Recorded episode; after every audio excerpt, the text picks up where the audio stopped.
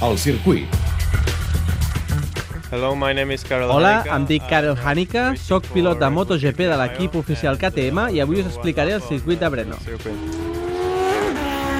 This track is typical because it's uh, Aquesta really pista like, és difícil uh, perquè té molts uh, desnivells i revolts peraltats i és famós perquè és el que més gent atrau, més de 200.000 persones. World which are like most visited by the fans, usually like more than 20,000 people.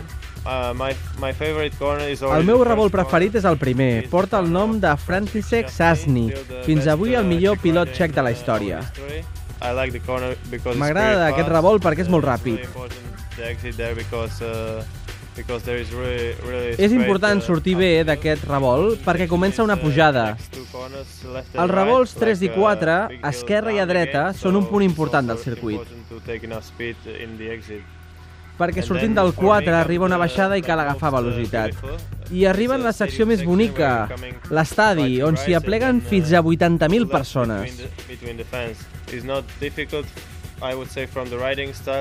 uh, I arribes després de dos revolts de dretes i en surts per dos d'esquerres. No és un punt on es perdi gaire temps, però els revolts 8 i 9 sortint de l'estadi no són fàcils.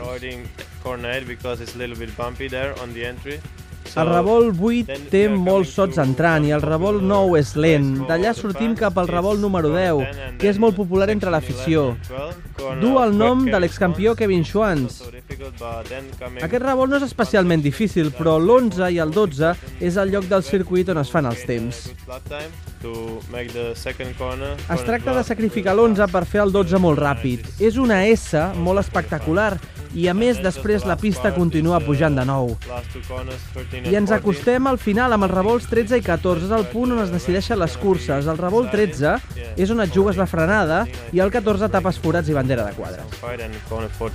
Uh, just uh, go through and uh, there is a checkered flag.